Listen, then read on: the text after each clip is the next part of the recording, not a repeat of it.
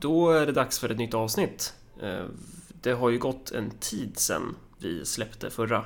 Eh, nu är det den 23 november 2017 klockan 16.00 och vi släppte vårt förra avsnitt den 19 oktober.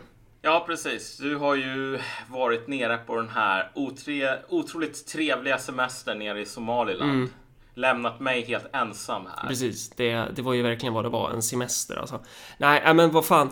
Eh, jag var nere och näthatade lite där för Nyheter Idags räkning. Eller ja, för svensk medias räkning, för det var ju ingen svensk journalist som, som åkte ner dit utom, utom eh, frågan är om jag kan kalla mig journalist.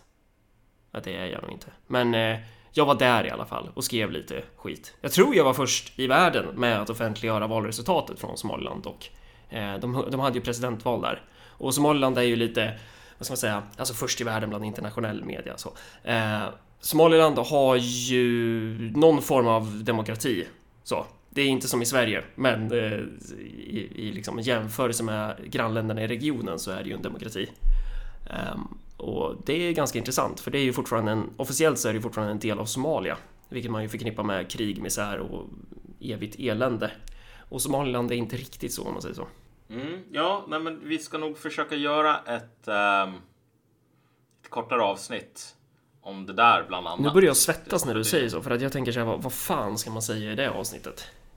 Det... Du, får väl, du får väl dela med dig av såna här roliga, roande anekdoter om när du stötte på någon sån här schimpans eller någon sån här liten apa på typ Babian som, gatan. som kastar skor omkring sig. Ja, ja men precis. De, ja, de går ja, men... ju helt lösa där nere. Massa babianer som ränner omkring. Ja men exakt, ja men ser du. Ja. Det här har vi. Det här är... Det här är content. Det här var kidsen. Riktigt bra. Det här är content. Ja, verkligen. Det var kidsen älskar. Ja babianer som kastar skor. Du har till och med någon bild på det där som vi kan lägga upp. Så det här, det kommer Måste de vara så sura hela tiden och prata om vänstern? Kan de inte prata om babianer? Det är ju kul. Ja, exakt. Ser du? Vi har content. Det här kommer bli skitbra. För de som trodde att vi var döda och inte skulle komma tillbaks eller hade lagt ner det här. Nej, vi höll på att samla som liksom Goku i Dragon Ball så höll vi på att samla energi för att släppa det här i en content-bomb ja, framöver. Det, Men eh, vad, vad, kan man mer säga? Det, man kan ju inte bara skylla allt på Somaliland. Det är, det är jävligt mycket att göra helt enkelt. Och sen är ju du och jag sämst på att hålla våra utsatta tider. Och mitt schema ser ju ja. ut som ett Tetris-spel. Så att ifall man missar den, den liksom rutan som är, den lila rutan som är Marcus och Malcolm, då ska den jävla rutan in någon annanstans där det redan är en ruta. Så det blir kaos. Så att det mm. eh, väldigt många olika faktorer bidrar tillsammans till att det inte blir något avsnitt ibland. Och så kommer det fortsätta vara. Det kommer inte bli bättre fram till valet om man säger så. När, när Nej, man ska hålla på och envisas med att driva det här jävla partiet. Men efter valet så kommer du vara en sån här pamp. Då kommer jag, då kommer jag vara ju... helt förstörd igen. Eh, när jag inser att jag har lagt ner allting. Allt på ett kort och, och ännu en gång missat mandat. Eh, nej, nej. Du kommer att bli en pamp. Okay. Du kommer att sitta där i köttgrytorna. uh, det, här, det här ska man ju egentligen inte ta upp, men det var ingen nämnd, ingen glömd. Jag såg för övrigt någon sån här gammal kamrat till dig och mig från Ung Vänster. Mm -hmm. För en sjuhelvetes massa år sedan som hade gått med i sossarna. Till otroligt mycket gråt och tandagnisslan. Så du kan ju vänta dig ungefär samma reaktioner tror jag när, uh, när du kommer in. Eller när det fan, vad det nu blir. Men uh, ja, vad är det man ska säga e-, egentligen? Det, det kommer inte bli... Det kommer bli... Ja. Ja, jag vet inte. Jag, jag är så vi, trött. Vi, vi, har lite planer för det här. Mm. Uh, men så, så det är, ni behöver inte oroa er för att Marcus och Markom ska försvinna. Nej. Och de av er som firade den här podcastens död får väl ställa champagnen i frysen ett tag. Men uh, det kommer att vara lite knivigt ibland med att få ihop tiderna och så vidare. Men vi har planer hur som helst. Mm. Liksom framtida content. Eh, men, men ehm, ja, vad, vad, är det vi ska prata om nu då? Det, här, det kommer ju bli ett väldigt Marcus och Malcolm avsnitt känns det som. Eh, ja. Sett utifrån vad vi har pratat om att vi ska prata om. Sen vet man ju inte vad, vad det blir. Men eh, vi ska, vi ska prata om bostadsbubblan igen. Ja, exakt. Vi var ju där framme och varnade att allting kommer att gå åt helvete. Ja. Bla, bla, bla sådär för ett tag sedan. Det måste väl vara ett och ett halvt år sedan. Ja, jag, vet inte. jag har något vagt minne av att det var i början på förra året eller något sånt. Du har ju dock ingen som helst tidsuppfattning. Men jag ska Nej, kolla så att jag slipper vara lika dålig. Så ska jag kolla facit bara för det här. Men fortsätt prata medan jag gör det. Så. Ja, hur som helst. Vi har ju varit och varnat det här om bostadsbubblan tidigare och sen dess så har den ju inte spruckit så vi hade ju helt fel. Men nu så spricker den så vi verkar ju ha ganska rätt ändå. Så Jag, jag, jag minns ofta- inte vad vi sa då. Eh, om vi faktiskt sa att bostadsbubblan skulle spricka just då. Eller om vi sa snart. Som sagt, jag har Alzheimers. Jag kan ha sagt, för det här var ju vad jag trodde då Ja. på den tiden. Skulle jag väl ha sagt fan någon gång sent 2016. Så nu verkar det ju vara 8-9 månaders liksom felmarginal där. Men det är sådant, sånt som man får räkna med. Jag, jag har kommit till Brexit här och det har inte dykt upp. Jag tror faktiskt att det är 2015. Ja, vänta. Urbanisering och... Där! Bostadsbrist och bostadsbubbla. Det var... Ja, det står ju inget direkt datum på Soundcloud, men... eh, Det här var ju helt värdelöst. Okej, men e- ett år sedan tycker Soundcloud. Så att det var... Jag, jag Okej. tror det är våren 2016 då. Ja, nej men precis. Så, men då, mycket väl så att jag kan ha sagt sent 2016. Nu är det sent 2017. Det är, man vet aldrig med såna här grejer. Grejen är, det som man dock vet, det är att bubblor spricker förr eller senare. Så även denna bubbla verkar det som. Ehm, och det här kommer att bli knas. Ja. Min, milt uttryckt. Man får väl ta och, och repetera lite av vad vi har sagt innan kanske. Och sen så försöka knyta ihop den här skiten till, till, till någon form av nyskapande innehåll. Exakt. Och vi kommer, att, vi kommer dessutom använda den här bostadsbubblan som startpunkt för det här teoretiserandet i pojkrummet som Marcus och Malcolm är så vida berömda för. Ehm, men det som det, liksom, läget idag verkar vara så här att bostadspriserna faller relativt snabbt i Stockholm. Ehm, har gått ner. Försäljningspriserna per kvadratmeter ligger under 80 000 senaste gången jag kollade. Och det är alltså ner från en som max var det typ 97 000 per kvadratmeter tror jag. Har det sjunkit nu den här senaste hösten då? Ja, precis. Det sjunker ett antal tusen lappar i månaden verkar det som. Okej. Och saken är den att det som man måste ha koll på det är ju att folk brukar ju ta liksom belåna fullt ut när de köper lägenheter eller bostadsrätter eller villor om de inte är asrika.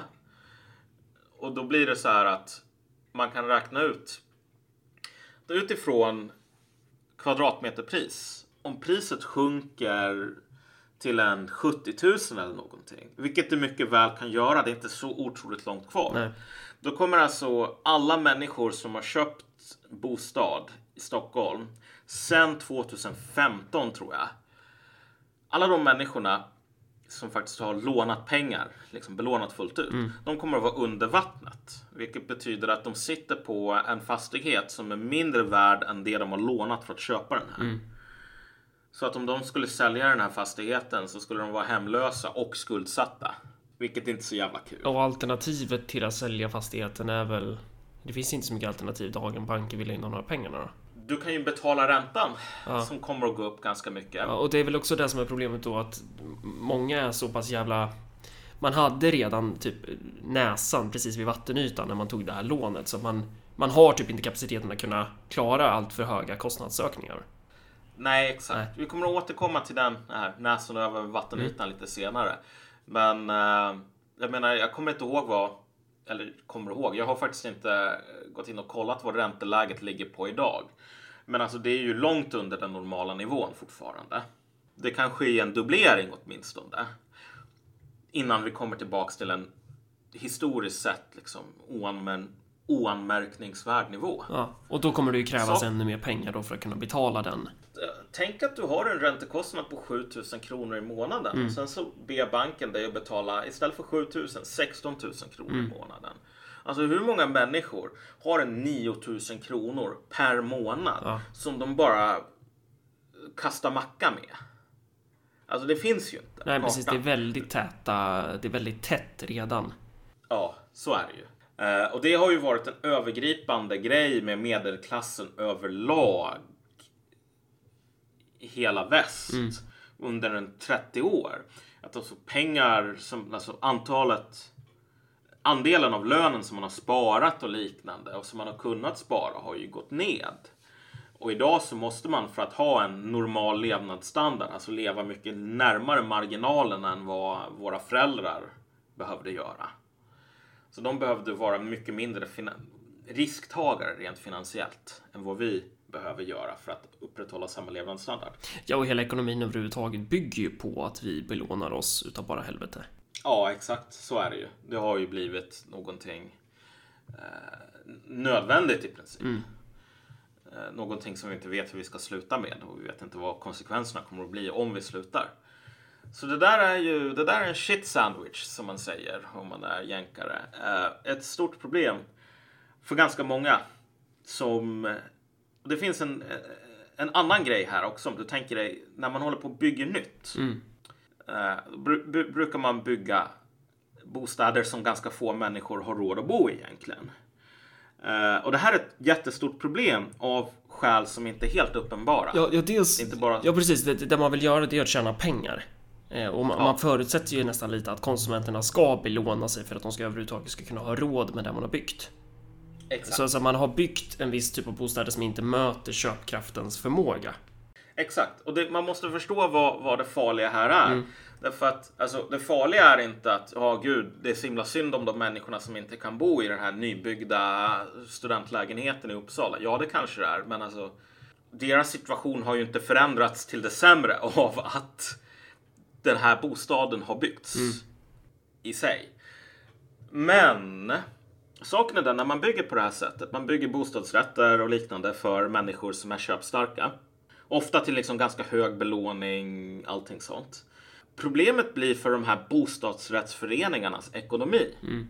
Därför att de har ofta otroligt stora lån. Nu, jag bor själv i en liten etta, en bostadsrätt. Mm. Grejen är att jag bor i ett hus som är byggt på 60-talet. Så när jag betalar min avgift, då betalar jag för att typ renoveringar sådana grejer. Mm. Ska köpa en ny tvättmaskin till tvättstugan. Sådana grejer. Jag behöver inte betala av de här kapitalavskrivningarna särskilt mycket på någon så här skulder på huset så. Mm. Utan det är redan avklarat. Ett nybyggd bostadsrättsförening måste betala av skulderna de har på huset. Vilket betyder att personen i fråga som hamnar i en bostadsrätt med dålig ekonomi blir fucked sideways. Mm. För att återigen låna ett uttryck från jänkarna. Därför att dels så har man ju lånat pengar för att köpa bostadsrätten. Men bostadsrätten har massor med skulder. Så att räntehöjningen kommer på två olika håll här. Vilket betyder att inte bara att din räntan på ditt lån går upp från 7 till 14 16 000. Avgiften dubblas eller tredubblas eller vad det nu blir. Alltså det är omöjligt för ganska många människor så kommer det vara totalt omöjligt att bo kvar. Det här är ju en katastrof, kommer vara en katastrof för individer och för familjer. Men det blir ju en katastrof för samhället också för att vissa kanske skulle tänka sig bara ja men fan vad bra, jag har ju suttit och väntat på att den ska, ska spricka så att jag har råd med en bostad. Men även de som, vad ska man säga, försökt tänka lite taktiskt i den här situationen, de blir också fucked sideways. För att det påverkar ju ekonomin. Vilket ju i slutändan ja. kommer påverka dem också. Men så är det ju. Det är ju alltid det stora problemet med sådana här recessioner. Ja, för att det sker ju på en, liksom, det sker på en samhällelig skala. Jag menar visst, alltså de, de personliga katastroferna bör ju inte underdrivas här. Nej. Men på en aggregerad nivå så blir de någonting helt annat. De blir statistik. Mm. Statistik som pekar åt helt fel riktning. Ekonomi som är helt baserad på konsumtion. Mm. Saken är den att om du bor i bilen på grund av att Alltså du har blivit knullad från sidan eh, av ränteutvecklingen. Mm. Du är inte den bästa konsumenten. Du kommer inte vara där i Black Friday i ruset och hålla på att trängas för att köpa en ny iPad. Det, det, antagligen inte. Och om tillräckligt många människor hamnar i den situationen så kommer ju det här att innebära ganska negativa konsekvenser för människor som bara sa haha, jag var smart, jag köpte inte en bostadsrätt, jag hyrde och väntade. För produktionen är ju beroende av att det här kapitalet realiseras i konsumtion. Ja, Annars men den här ansvarstagande människan, ja. ja nej förlåt. Ja, nej, nej men precis. Det, det, då, då, då kommer, folk kommer ju få sparken, även personer som, ja. som har försökt göra rätt för sig eller försöker vara smarta. Alltså så här, när, när det blir en ekonomisk recession, då stannar ju hjulen. Då måste företag göra nedskärningar och det, det, det blir ju verkligen ett sånt dominospel. Exakt. Och jag menar, vad det kan leda till också, eh, och det var ett tag sedan faktiskt som jag verkligen grottade ner mig i det här, så jag, jag, vågar inte säga peka med hela handen här. Men i värsta fall så kan det här leda till att en svensk bank eller flera svenska banker behöver rekonstrueras med statliga pengar. Det är, det är en otroligt dyr process. Det är otroligt dyrt rekonstruera en jävla bank som har, speciellt idag om du tänker deras jävla balansräkningar ja, när de äger. För dem, det intressanta med bankerna, de har ju lånat ut mer pengar än vad de har täckning för och så brukar ju vara ja. fallet med kreditsystem. Eh, och det är ju nästan, de måste ju nästan göra så för att kunna stå sig eh, ja. i det system som vi har. Men eh, ja, det, det, som är, det som är nytt med alltså banker som Nordea till exempel ja är ju bara hur exponerade de är. Man har alltid lånat ut mer eller mindre med eh, alltså mer pengar än vad man har in mm. och det finns en, många bra anledningar till att det ser ut så. Det är inte bara så här elakt påhitt. Nej. Men nu så är alltså exponeringen och den här, eh, vad heter det, hävstången, alltså andelen pengar, antalet kronor du kan låna ut på krona som sitter inne i, i banken. Alltså den, de är... Eh, alltså de, vad är ordet jag letar efter? Nej, men alltså storleksordningen här är out of this world. Ta Deutsche Bank. Deutsche Bank äger mer tillgångar, alltså deras nominella värde på pappret av alla deras eh, såna här kreditpapper och liknande är ju typ tio gånger EUs ekonomi eller någon sån fantasisumma. Liksom en enda tysk bank äger mer än tio gånger EUs hela ekonomi.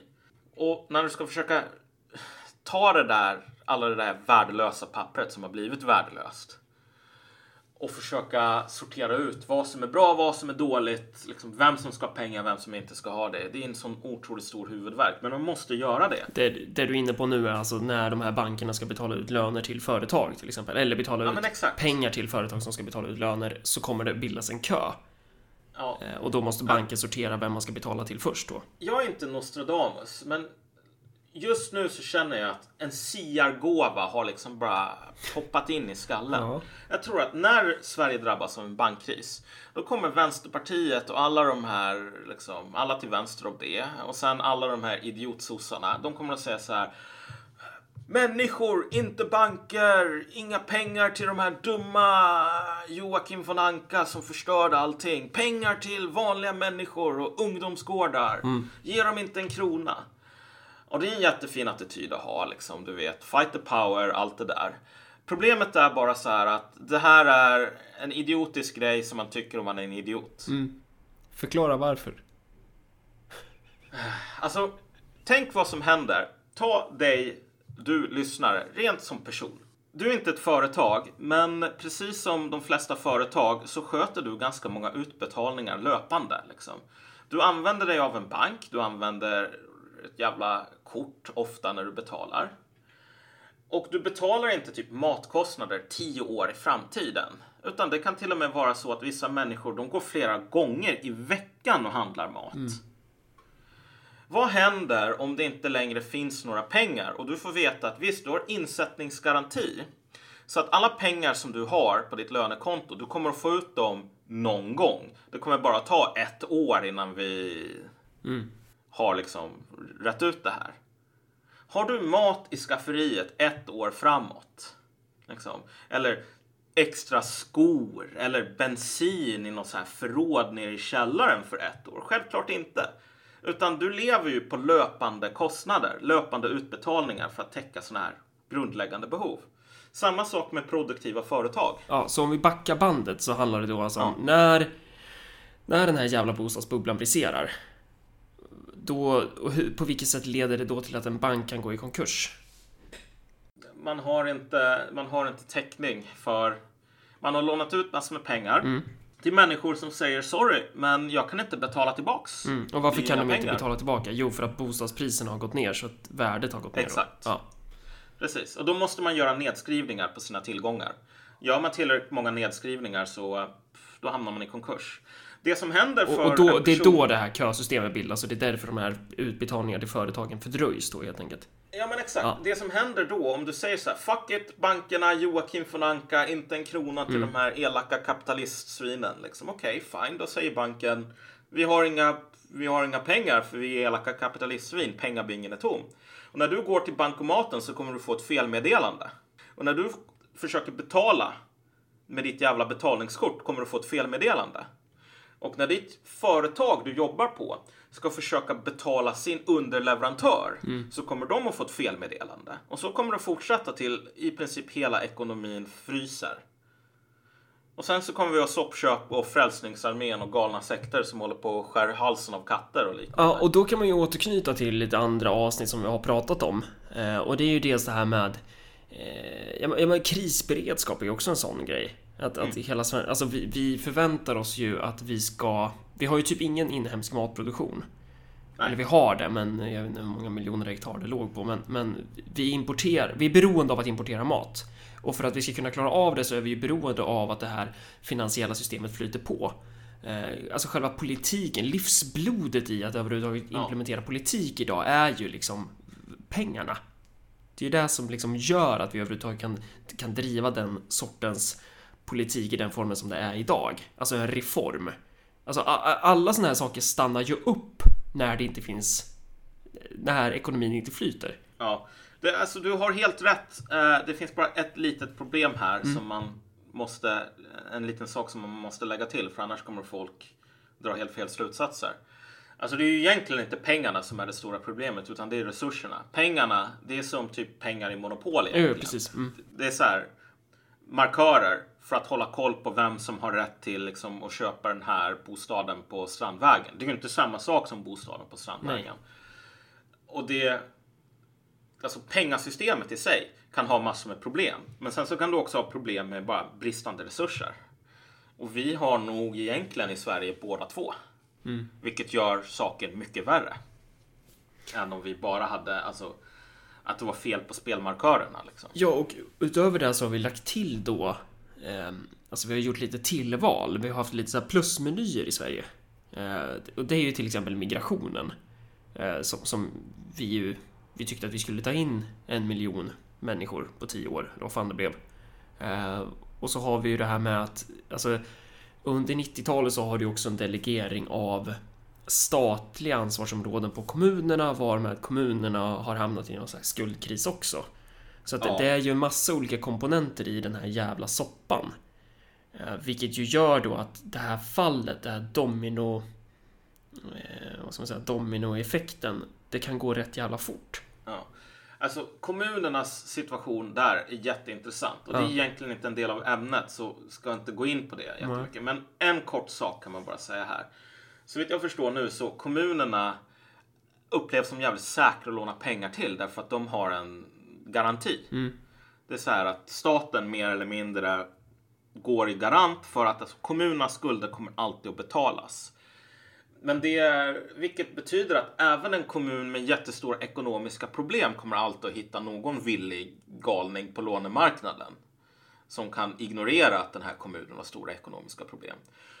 Så det här är liksom som när du drar ur proppen på ett badkar. När folk börjar inse, oj då, den här garantin kanske inte är värd så mycket.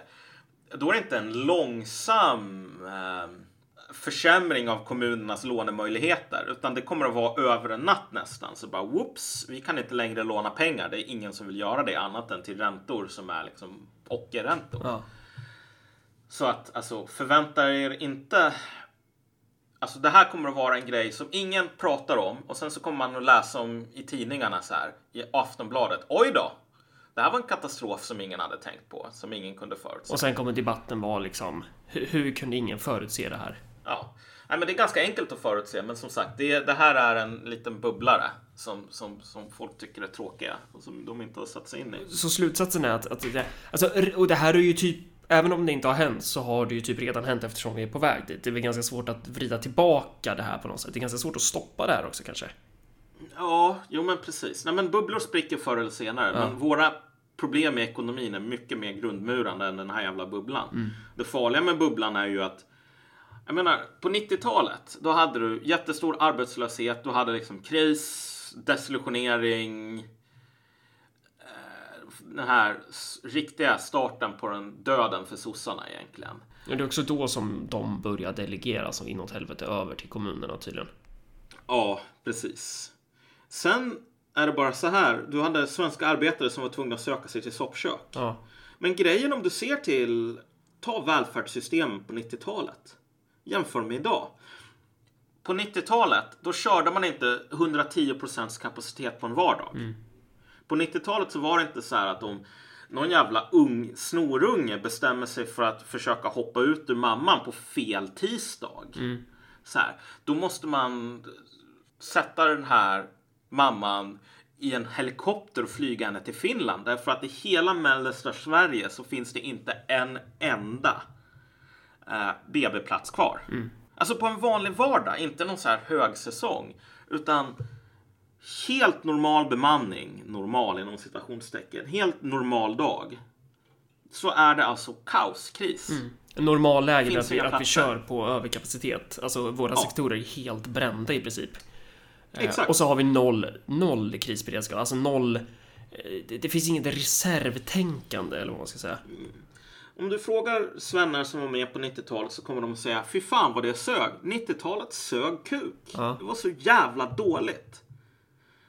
Eh, du vet, eh, en, de kommer nog att, se tillbaks på 90-talet som den här fina perioden då man inte riktigt visste vad en riktig kris var. Um, därför att som sagt, de körde inte hela sitt välfärdssystem eh, på 110 procent. Jag menar, ta liksom förstå vad det innebär att ha den här bemanningsnivån på BB som det är idag. Alltså förstå när du har så att alla barnmorskor måste stressa ihjäl sig totalt. Och det är så att det är verkligen ett klippande och klistrande för att hitta en enda säng. Det här är någonting som är slitsamt av personalen. Surprise, surprise. Vilket betyder att mycket av den här personalen kommer att sluta i förtid. Redan innan krisen har träffat fläkten. Så tänk att vi aldrig någonsin skulle få en bostadsbubbla, en finansiell kris, en recession i Sverige. Det skulle bara vara som 2017 för evigt. I ett sådant läge, om det var som 2017 för evigt, så skulle våran mödravård kollapsa. Den skulle kollapsa. Det skulle vara så att om en 10, 15, 20 år så får du fan singla slant. Om, det, om du ska få en B. Man kommer fan att s- avgöra vem som får BB-platser genom lottning. Eller mycket mer sannolikt genom vem som har råd att betala. Det kommer ju vara det som faktiskt sker. Eh, Det är liksom normalläge idag. Och sen så lägger du på en kris ovanpå det. Och man ska inte underdriva hur vansinnigt dyrt det är att eh, fixa en sån här, alltså betala, gå de här lånen, rekonstruera de här ban- bankerna, garantera den här medelklassens liksom eh, egendom, allting sånt. Det kostar enorma stora, peng- stora summor pengar. Om du tänker dig vilka som är de ekonomiska jävla basket cases i Europa idag. Grekland, Spanien, Italien. Portugal. Ja. De såg, alltså Spanien främst, hade ju inte några stora problem med sin liksom balansräkning för staten innan krisen. Utan den spanska statsskulden var relativt låg. De spanska statsfinanserna var i relativt hälsosamt skick. Precis som de svenska statsfinanserna är hälsosamt skick, skulden är låg och så vidare. Det är bara när man måste betala för den här jävla katastrofen som allting går åt helvete för staten. Och vi i Sverige, vi har en gigantisk katastrof i vardagen också som vi måste betala för. Eller som staten måste betala för. För att alternativet är Mad Max. Det är ekonomisk Mad Max. Det kommer inte bli så jävla kul. Så, så då har vi på något sätt bara konstaterat eh, någon slags läges... eh, Någon utgångsläge. Lägesrapport kolon som man säger i Nile City. Ja, precis. Det är farbror Barbro som säger så. Nej, det är uh, Percy Nilegård himself. Är det Percy Nilegård? Jaha, det är så. Fan vad dålig jag är. Eh, det, det, finns ju dock en liten brasklapp. Alltså, kan vi ha fel här? Jag, jag har inte fel. Nej. Okay.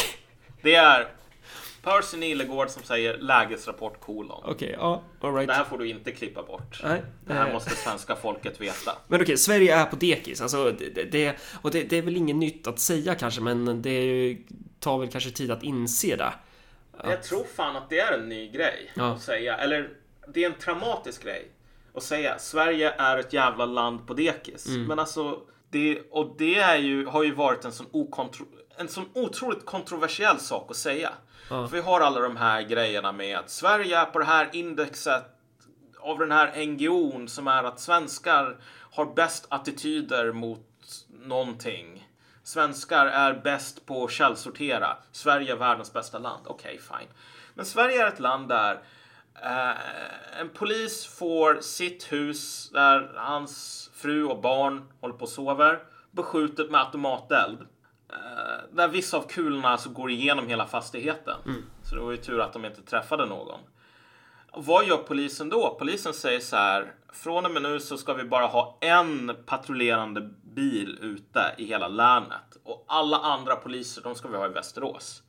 Och du frågade mig innan, var det i Västerås som den här skjutningen skedde liksom? Är det, nu kommer man fram med stora knytnäven här. Mm. Nej, det var utanför Västerås som den här skjutningen skedde och det är därför som alla poliser åker in till Västerås nu. Mm. Så att de inte ska åka ut för hemska kriminella. Det är så jävla lätt alltså att, att så ja. påverka våldsmonopolet i den Ja, det är så jävla lätt. Ja, men vad fan, den här snubben till och med. Den killen, han, han sitter ju inte bakom lås och bom idag. Alltså, mm. de grep ju någon skäligen misstänkt tror jag, men liksom, han är väl på fri fot nu. Det finns ett ännu bättre exempel på det här som visar hur jävla liksom dekis det här landet är på. Vi har ju redan talat om mödravården. Mm. Men ta bara det här med... Nyligen så gick det att läsa om att, jag tror att det var i Bromma. Eh, då ska vi se, jag har det här. Är det där med säkerhetsvakten eller? Ja, precis. Det är Bromma. Ja. Jag, Alzheimers har inte helt ruttnat bort. Ja, du skickade ju samma meme till mig inom loppet av, vad var det, fyra timmar? Ja, precis. Ja, det... Det, det, det, du vet, vissa drabbas av Alzheimers när de är 70, andra när de är 29. Ja.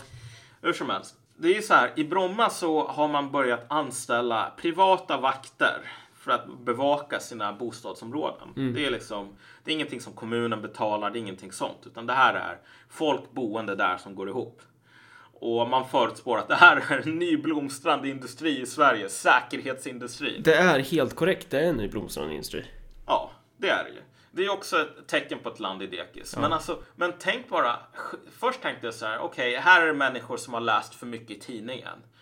Eh, och bara tänker att det där kan komma till oss. Mm.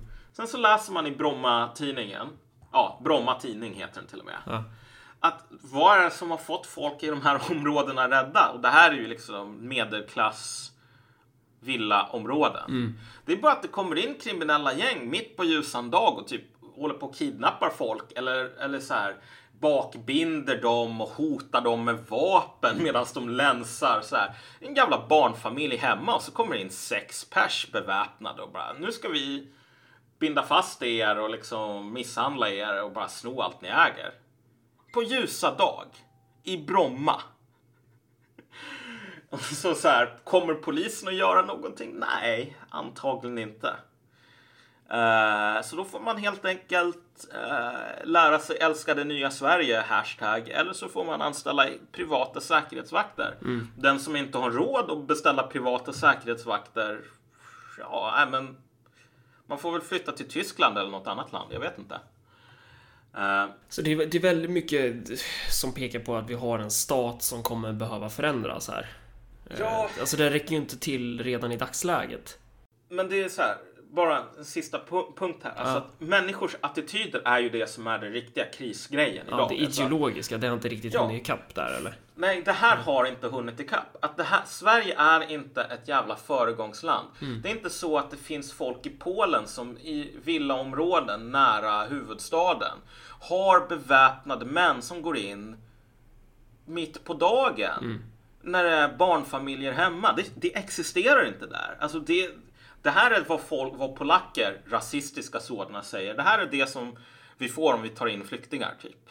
Det här är, vi kan bli som Sverige och i Sverige händer såna här grejer. Det är tur att det inte händer i Polen. Men om du tänker dig, alltså hela den här kampanjen för att visa att Sverige, det är så jävla bra här.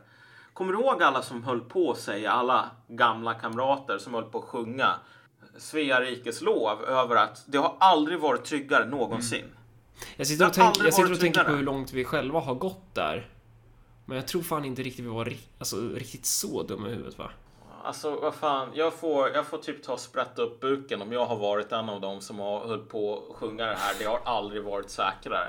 Ja. Jag, jag, jag blev ju riktigt jävla luttrad någon gång 2014 tror jag det var. Mm. Uh, och, och det här var ju en trend som kom efter det. Men alltså. Men jag är fan autistisk och jag brukar gilla att kolla statistik. Mm. Saken är bara den att om man ser på statistiken, för nu har det publicerats sådan Brottsförebyggande rådet har gått ut och publicerat statistik för 2016. Det visar sig att alltså, brotten som riktar sig mot person, tillgreppsbrott, misshandel, så här, rån, eh, sexualbrott, mm.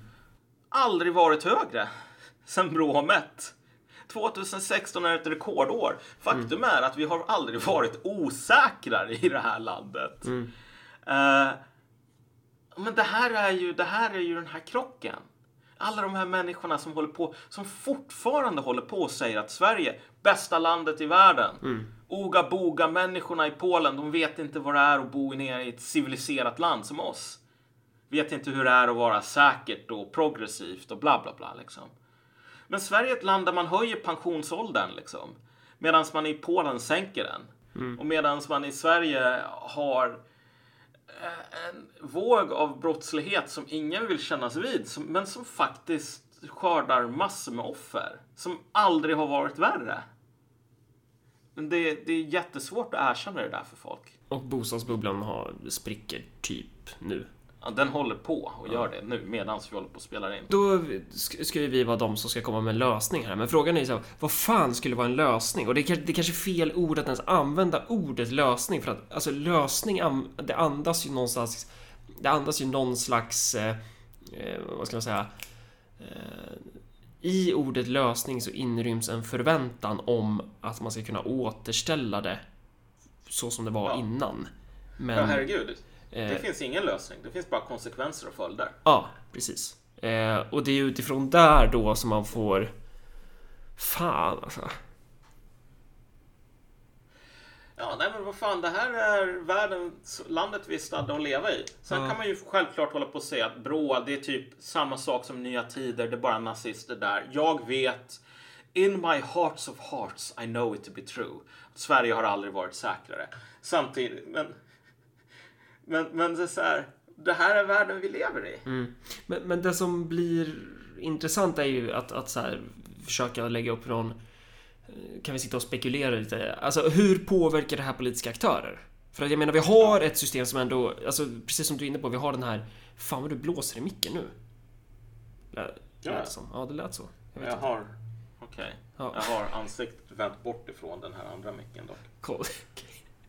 jag vet inte vad... Jag kanske bara hör något annat. Jag börjar bli skriv. Hur, hur som helst. Eh, vad var jag? Jo, politiska aktörer. Vi har ju det här... Eh, precis som du var inne på det här med det ideologiska. Eh, att vi är kvar i ett annat Sverige.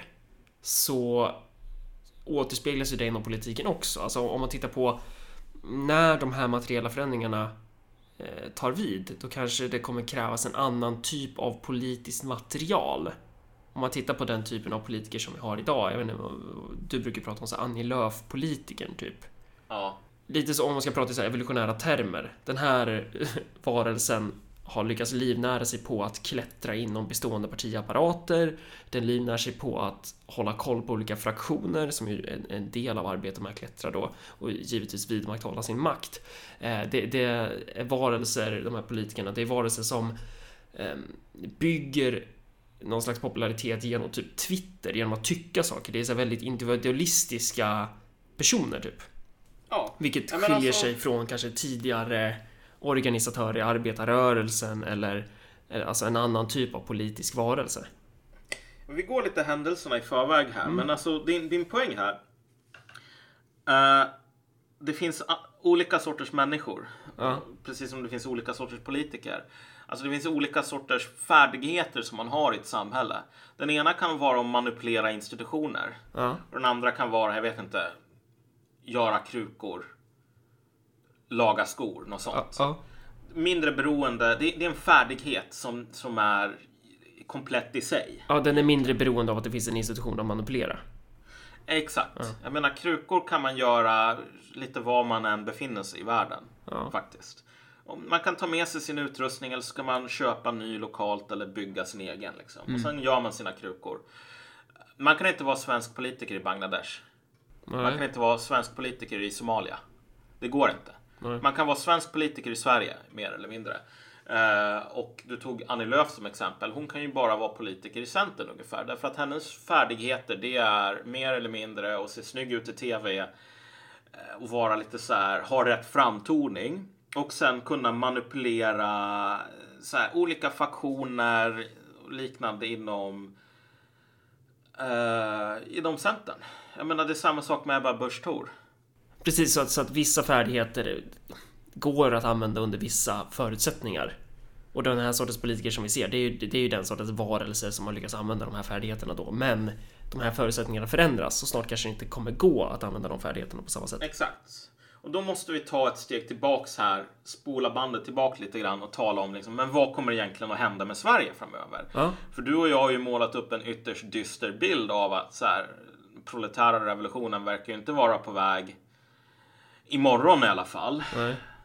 Och även om den blir det så jag menar de här proletariatets diktatur måste ju lösa de här jävla problemen också. Om- Om det inte är menat att socialismen ska vara det här stället där kriminella har fri lejd. Där folk sover i bilar. Ja, Eh, och då blir det ett jättegigantiskt problem eftersom det är omöjligt för en socialist att föreslå en lösning på någonting som har med kriminalitet att göra som inte innebär att öppna en till ungdomsgård. Tydligen. Eh, eftersom i Sovjet då var man inte socialister utan då var man någonting annat, någonting jättehemskt. ja rasistiska populister och så vidare. Ja, exakt. Men, men saken är bara den att så här, det är viktigt att tänka sig, eh, nu håller vi på att raljera en del, men det är viktigt att ha fötterna på marken här och faktiskt ha någon ganska kylig blick på alltså hur sådana här förlopp ser ut och vad vi kan förvänta oss av framtiden. För precis som du säger, att leverera en lösning, det är bara, det är bara befängt. Det är ingen som kan göra det. Det, det enda som finns, det är anpassningar. Som kan vara mer eller mindre eh, smärtsamma, om vi säger så. För olika kan- typer av, olika grupper av människor kan man ju också lägga Ja, precis. Ehm, det, det kommer inte att gå tillbaks till det här fina fungerande Sverige. Alltså, ironiskt nog, det är ganska många svenskar som ser Sverige idag som alltså, ett land statt i förfall. Och det ligger en hel del i det. Problemet är bara att efter den här krisen så tror jag att vi kommer att se tillbaks på 2017 därför att gräset är alltid grönare på den andra sidan och så vidare och så vidare. Men vi kommer med de här våran egen version av nostalgi så kommer vi att se på värdegrundslandet Sverige anno 2016 någonting sånt. Som ändå liksom de gamla goda lyckliga dagarna. Ehm, men grejen är, den stora bidragande faktorn till att vi är i den här skiten som vi är i är ju för att alla våra institutioner köper 110 procent. Eh, och institutioner som köper 110 procent under en längre tid, de faller sönder. Även när det inte kommer kriser. Att den här krisen kommer, det är lite hugget som stucket. Den skyndar bara på någonting som skulle ha hänt ändå. Men om vi använder historien som guide här. Vad är det egentligen som sker när typ imperier eller andra så här komplexa mänskliga institutioner faller sönder?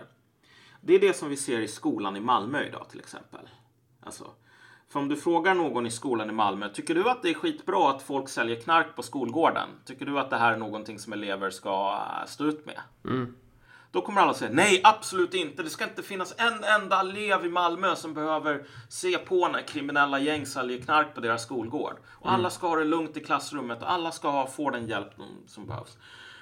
Och det är ju verkligen så att de här människorna på skolorna och på Skolverket tycker det här. Men det spelar fan ingen jävla piss vad de tycker. Därför att det säljs knark på skolgården. Och det kommer fortsätta att göra det. Det kommer mm. fan att bli mer sånt. Uh, det är ju mer taggtråd som omgärdar, alltså det finns ju någon skola där nere i Malmö som ser ut som typ en när en amerikan ska skriva en dystopi om vad den amerikanska skolan kommer att se ut om om tio år. Mm. Då är det ungefär där. Taggtråd och elektroniska passerkort liksom. Uh, och det där kommer att fortsätta. Det är ju självklart att ingen elev ska behöva gå i en skola med taggtråd och elektroniska passerkort. Men nu gör de det. Men vad är det för poäng du vill göra gällande här? Är det just att... Alltså att när något hamnar på dekis ja. så är aldrig problemet att folk på centralort säger nu tycker jag att det här landet ska bli pissigt. Nu tycker jag att elever inte nej, längre ska nej. få sina rättigheter. Utan vad de tycker och vad de säger och vad de gör, vilka order de skickar ner. Det slutar spela någon roll. Mm. Alltså, det här är en liksom, det här är som en maskäten tröja som bara hålen växer i. Mm. Alltså, att makten från centralorten blir sämre och sämre och sämre och mer sporadisk. Så alla garantier som människor har. Vi har vårdgaranti i Sverige. Alla är garanterade att få, liksom, bli, få vård inom 90 mm. dagar. Allt det försvinner i princip. Ja. ja. Jag menar, det har ju redan skett. Och om man då ska återknyta till olika typer av politiker och vilket landskap de... Alltså, om, alltså hur gör vi... För det var ja. ju härifrån, du ville hoppa tillbaka och sen så hamnar vi här. Och, och saken är väl den att vad är det som sker med tänk dig att alla de här grejerna faller bort. Alla ja. de här sakerna som man har förlitat sig på. Det finns, det finns inte längre en polis som kommer. Nej. Man är tvungen att hyra egna väktare. Det finns inte längre en skola som fungerar. Det finns inte längre en vård som fungerar så jävla bra. Så man är, det finns inte en förlossningsvård som fungerar så jävla bra. Alla de där grejerna. Det är ju inte så att människor slutar att behöva fysisk säkerhet eller förlossningsvård eller sjukvård. Man behöver dem lika mycket.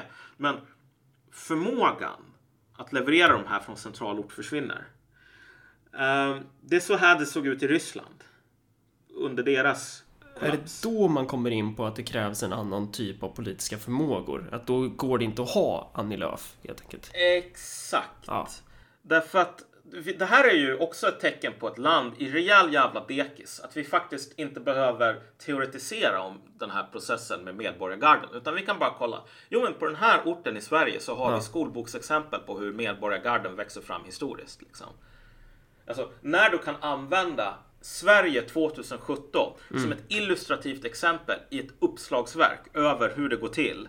Alltså hur medborgargarden växer fram. Jag menar, då är det ett land på dekis. Men eftersom det här exemplet finns så kan vi använda det. Nu kommer jag inte ihåg själva ortsnamnet. Nej, det, det kan jag kolla upp. Det är inte relevant. Sen. Men, men det är i alla fall, det är en sån här landsbygdskommun. Polisen syns inte till längre. Mm. Jättestort problem med så här stöldligor varav de flesta är från Östeuropa. Och då, det som har skett när staten totalt drar sig tillbaka. Staten säger ingen ska bli utsatt för brott i den här kommunen. Men alltså vad staten säger, det är inte värt ett jävla piss. Mm det som har skett där, det är att du har en stark man. För det är typ nästan alltid män. Mm. Eller så är det kvinnor som typ eh, beter sig ungefär som starka män. Eh, det, ja, det, det, men det, det är, så, det är så, så den här figuren ser ut. Det är typ du såg väl den där kommentaren vi fick på vårt förra avsnitt? Att, att vi vill att kvinnor ska bli våldtagna och grejer. Ja, jo precis. Jo, det, nu har jag verkligen avslöjat Nu, okej, okay, låt mig, låt mig PK-certifiera det jag just sa. Ja. Det är oftast en man på grund av insocialiserade skillnader. Och om det är en kvinna så är det en kvinna som beter sig enligt den gängse uppfattningen av manlig socialisering. Mm. Punkt. Uh, låt oss röra oss vidare. Ja. Uh, den här sortens starke man som, som dyker upp, det är en person som typ känner alla vid namn. Som, som, som vet liksom, namnet på alla som man träffar på gatan, som hejar mm. på alla, som kände deras föräldrar och liksom deras farföräldrar höll på att spela eh, fotboll ihop och bla bla bla och ditten och datten och mm. fan och hans moster. Och som har en naturlig färdighet att sätta sig ner med folk från lite olika, folk som har bara färdigheter, olika intressegrupper. Mm. Sätter sig ner med alla företagsägare i, i, i liksom centrum sätter sig ner med alla från kommunhuset, sätter sig ner med dem från polisen som han håller på och ölar med eller vad det nu är. Uh, sätter sig ner med folk som äger de här jordbruken utanför stan. Mm. Och bara okej, okay, hur löser vi det här? Kopplar ihop människor, gör det som Donald Trump skulle kalla dealmaking på mm. hög nivå. Uh, och, det, och den här, det här exemplet som jag tyckte var så jävla lustigt med det här svenska medborgargardet som nu finns. Det är ju så jävla ursvenskt. Men vad, vilken stad är det? Det vill man ju veta. Ja, precis. Vi kan, vi kan klippa in vilken stad det är och kollar upp det. Jag Men måste... vadå klippa? Jaha, det menar du att det... Ja. Ja, vänta. Det är inte bara att klippa in. Det är... Nej, vänta, vänta. Jag kan kolla upp det här. Ja. Fan, jag hittar inte den här... Uh... Jag hittar inte det här jag hittar bara andra medborgargarden när jag ska kolla upp vilket det här var tyvärr. Okej, okay. men uh, vet du vilken tidning du läste i? Uh, jag måste fan fråga Håkan eller RP kanske. Du vet att du har läst en artikel i alla fall? Ja, ja, ja. Så, men det, jag tror de kallar det någonting annat så här grannsamverkan. Ja, ja, hur som helst. Nej, jag, jag, jag väntar på svar. Men jag kan inte vänta hur lång tid som helst. Nej. Ja, fortsätt bara prata om det där. Ja, men vadå? Folk kan ju säga ja, men du har ingen koll, men då kan jag komma och bara svara dem i kommentarsfältet liksom. Ja. Med, då, då har jag den där. Men, men, men saken är, när man kollar upp där, man inser ju att det finns fler än ett jävla medborgargarde. Ja. Jag vet inte hur många av dem som är aktiva nu. Men så här, en jävla jordbrukskommun, liten ort sådär. Så är det en person som bara på det här ursvenska sättet det här funkar inte, finns ingen polis, eh, vi måste fixa det här på något sätt. Mm. Sätter sig ner med eh, butiksägare, sätter sig ner med eh, ja, det där jordbrukare. Sa du. Med folk på orten så. Ja, och sen är det så här, här har vi våra stadgar. Ja. Uh, här har vi våra här har vi liksom våra principprogram. Du blir du för protokoll, allting sånt. Mm. Alltså det är på den nivån som det blir. Det är liksom, det, det är gifflar, kaffe och, och föreningsverksamhet. Ja, det är så det blir när man styr upp Medborgargarden i Sverige. Ja. Det blir liksom Förenings-Sveriges take på det. Ja. Uh, eller det kommer att bli i alla fall. Uh, därför att, ja, nej men det är liksom så det ser ut. Mm. Men det är den sortens personer som har de här färdigheterna och liksom tycker att det är helt naturligt att sätta sig ner med butiksägare och fråga men hur mycket är ni villiga att betala? Mm. Liksom, vad är rättvist? Ska de stora butikerna betala mer? Etc. etc. Så det växer fram någon form av dubbelmakt i termer av våldsmonopol? Ja, det gör det ju. Dels. Det är ju, mm. det är ju den sista biten i det här. Det är ju liksom att det här är människor som också kommer att vara folk som kan samla ihop folk för att ge folk stryk. Uh, men det är sådana personer som har de här interpersonella färdigheterna det är någon slags embryo till Warlords. Exakt, det är just det som sker. Varför säger jag det på ju... engelska? Krigsherrar. Ja, men det är ju det är det som du ser till exempel i Kina. Ja. Där du har de här jättegigantiska strukturerna. Av, eh, för Kina var ju, var ju under hela mänskligheten fram till för typ 300 år sedan så har Kina varit alltså toppen mm. av mänsklig civilisation. Så här, ingen konkurrens. Eh, och också varit den mest avancerade civilisationen. Så det här är ju det stället som har haft världens mest intrikata byråkrati. Mm. Av materiella orsaker oftast. Just på grund av att du behöver en byråkrati för att kunna ha de här jättestora vattenprojekten, de här dammarna och diken och liknande. Och utan stora dammar och diken så kan du inte ha alltså den där sortens äh, äh, risodling. Mm. Så då svälter alla ihjäl. Så du behöver riktigt jävla gigantiska maskiner med tusen olika specialdesignade kugghjul. Och vad är det vi kan lära oss av det som har med Medborgargarden att göra? Det är så här att de här maskinerna, de växer fram under hundratals år, många gånger. Mm. Under framgångsrika dynastier. Sen så slutar de funka. Och då typ, då är det jävligt många människor som dör.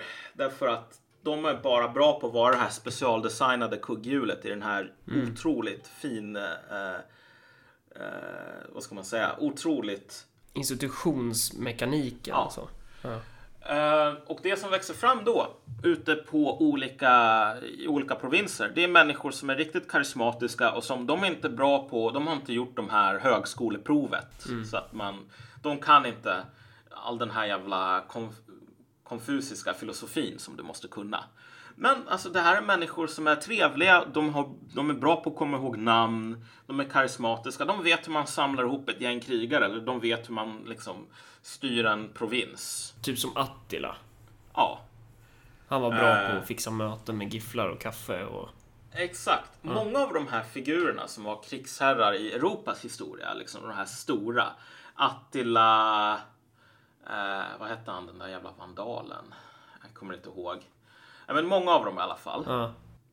Är såna här människor som, de kommer från ingenstans. Många gånger är de, de kommer helt urfattiga, har inga färdigheter alls. Eh, förutom att de är jävligt bra på typ eh, leda folk. Ja, men de har kunskaper som är väldigt väl ja. anpassade för den spelplanen som har uppstått. Ja, ja precis. Så det blir de, en, väldigt bra, en väldigt bra match. Och de verkar i samhällen där eliten har alltid, den tidigare romerska eliten, den var bra på att ge order och den var bra på att manövrera det romerska politiska systemet. Så här, fan, medans barbarerna stod vid dörren så hade du liksom gigantiska inbördeskrig mellan olika romerska liksom, politiker och mm. eh, wannabe kejsare liksom. För att romersk politik, det var det enda som var viktigt. Eh, de här människorna är asduktiga på romersk politik. Det finns ingen i världen som är bättre än romersk, på romersk politik än dem. Men det spelar liksom ingen roll. Därför att det romerska politiska systemet håller på att kollapsa. Och sen är det människor som är bättre på mer grundläggande egenskaper som kommer in. Alltså. Och de som har varit i hela deras hjärna, allt lagringsutrymme där, är bara hur ska jag bräcka de här romerska politikerna? De är ju helt fucked. Därför att det finns inte någonting kvar att bräcka. Mm. Och på samma sätt, det här är det som är grejen. Med Annie Lööf då? Ja, med Annie Lööf, med Ebba Busch Thor. Varför tar vi Annie Lööf så? Hon är ju så jävla dum i huvudet. Alltså hon är ju genuint dum i huvudet. Ja, men är inte du otroligt misogyn nu? Det här skulle du inte ha sagt om hon var man. jo, det skulle jag faktiskt. Jo, jo, det skulle du nog faktiskt ha sagt. Men jo, men Annie Lööf är intressant just på grund av att Alltså hon men hon kommer ju undan med att vara helt efterbliven. Jo, men alltså hennes jobb är inte att vara smart eller vad man nu ska säga. Nej. Hennes jobb är ju att vara eh, en frontfigur.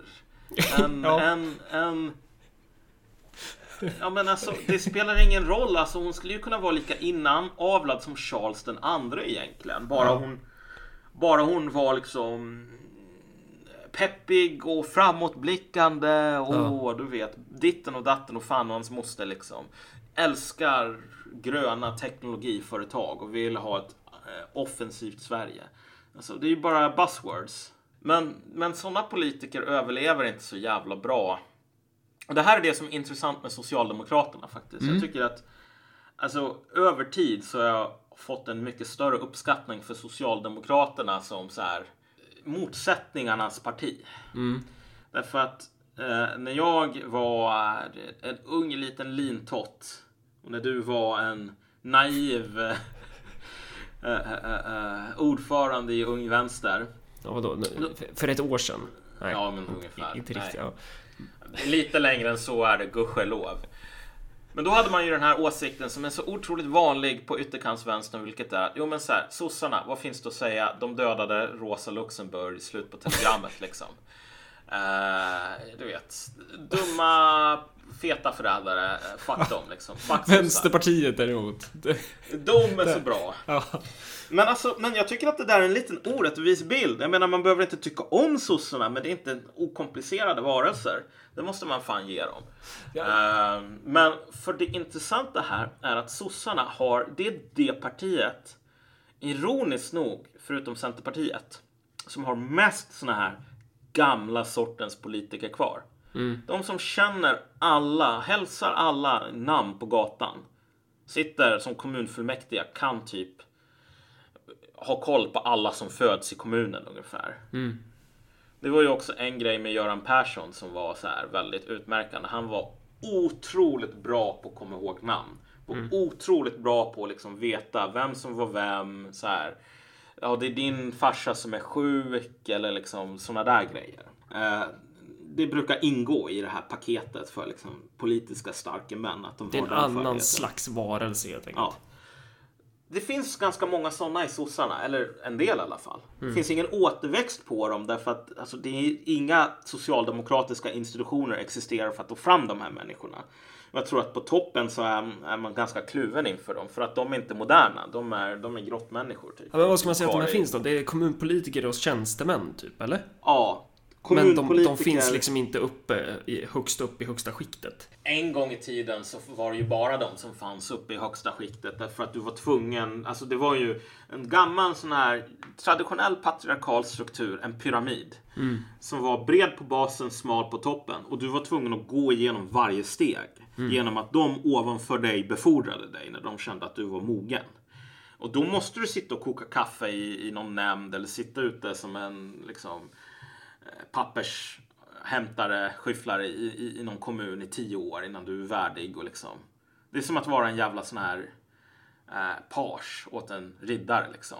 Mm. Du ska mucka skallet. Ja, men precis. Du ska väpna Du ska mucka stallet. Torka upp efter riddarens hästs skit. Du menar mocka? Ja, precis. Mocka. Förlåt. Jag är lite, du vet, det är Alzheimers. Ja. Men du, du behöver mocka skallet tio år, säger den här riddaren. Du ska städa upp efter min liksom, krigs... Min hingsts skit. Ja. Därför att det här är karaktärsdanande liksom. Det lär ja. dig. Då vet du att du ska respektera folk ovanför dig. Ja, typ så. Den modellen i alla fall. Ja, den modellen fanns inom sossarna och den modellen håller de på att avskaffa. Mm. Därför att det är inga kids som vill ha den. Filip Botström gick med i SSU för han ville mocka kommunpolitikers skit. Om, Nej, om ingen vet vem det är så är det ju han som är ordförande för SSU nu och som åkte taxi för, vad fan var det, 7000?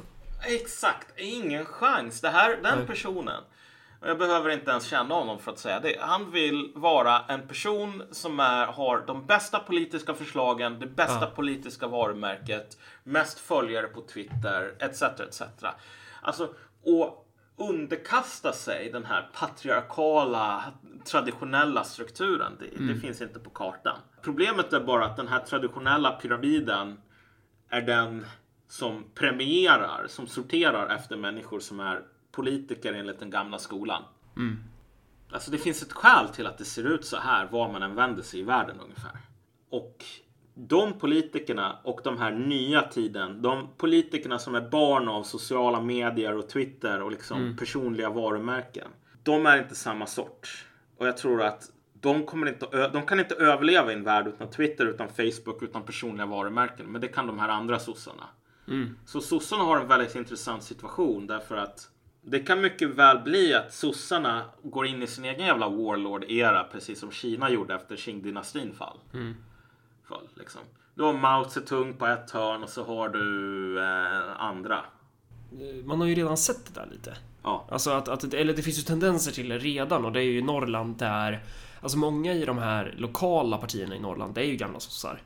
Mm. Alltså gamla sossepolitiker. Eh, och, och alltså motsättningarna i samhället överlag eh, rinner ju in mellan partiväggarna också.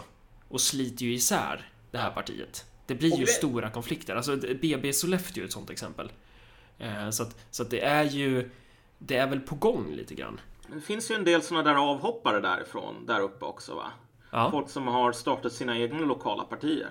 Ja, och, och, och det går ju bra för de lokala partierna. Exakt. Det är det som är, och det här är personer, det är inte då eh, några, några fjun i Örebro som startar lokalparti, utan det här är ju personer som, jag kanske inte ska säga så, men det här är ju, det här är ju personer som har varit med i gamet om man säger så. Ja. Och som startar lokalpartier av praktisk nödvändighet. Exakt.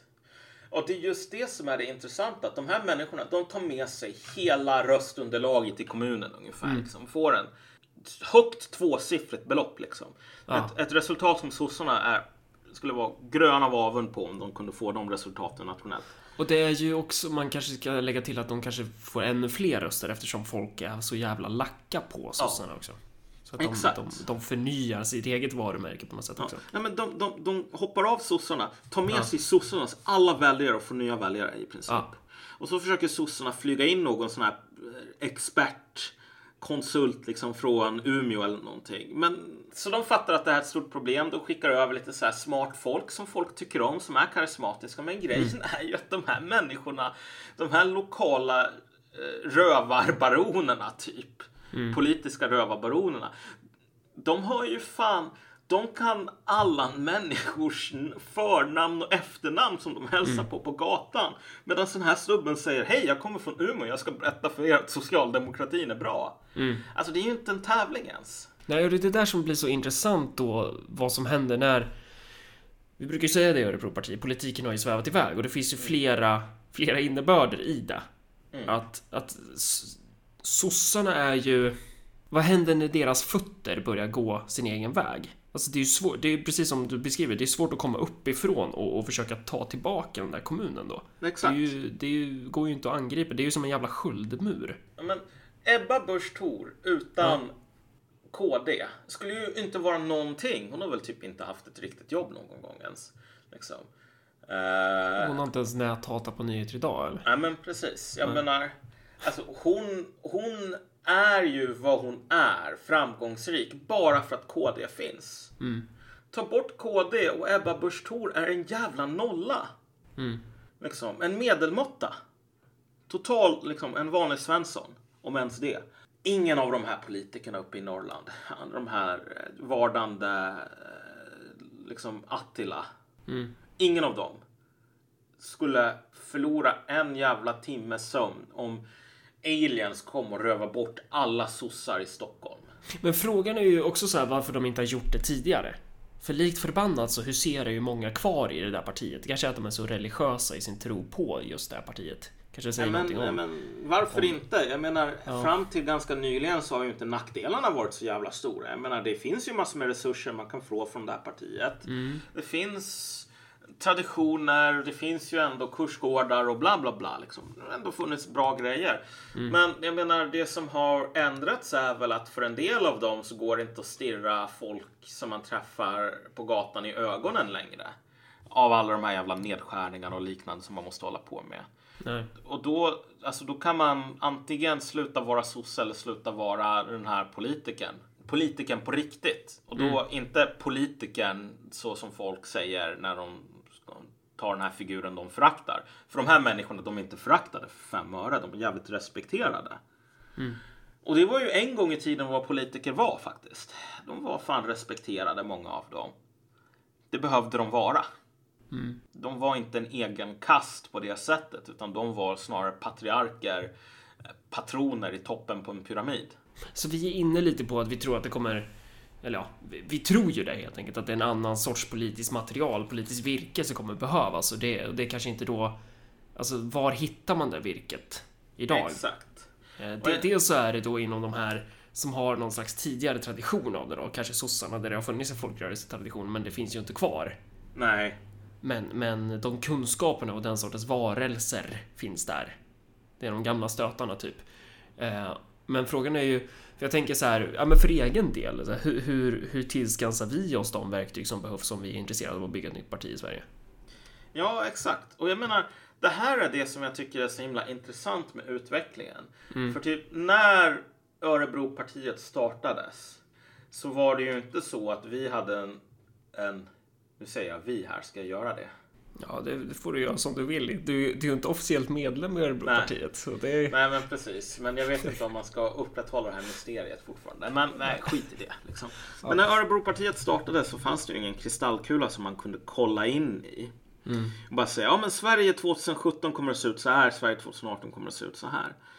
Men så att risken finns ju, eller jag tror att man underskattade lite grann hur relevant och hur mycket den här modellen skulle ha framtiden för fötterna.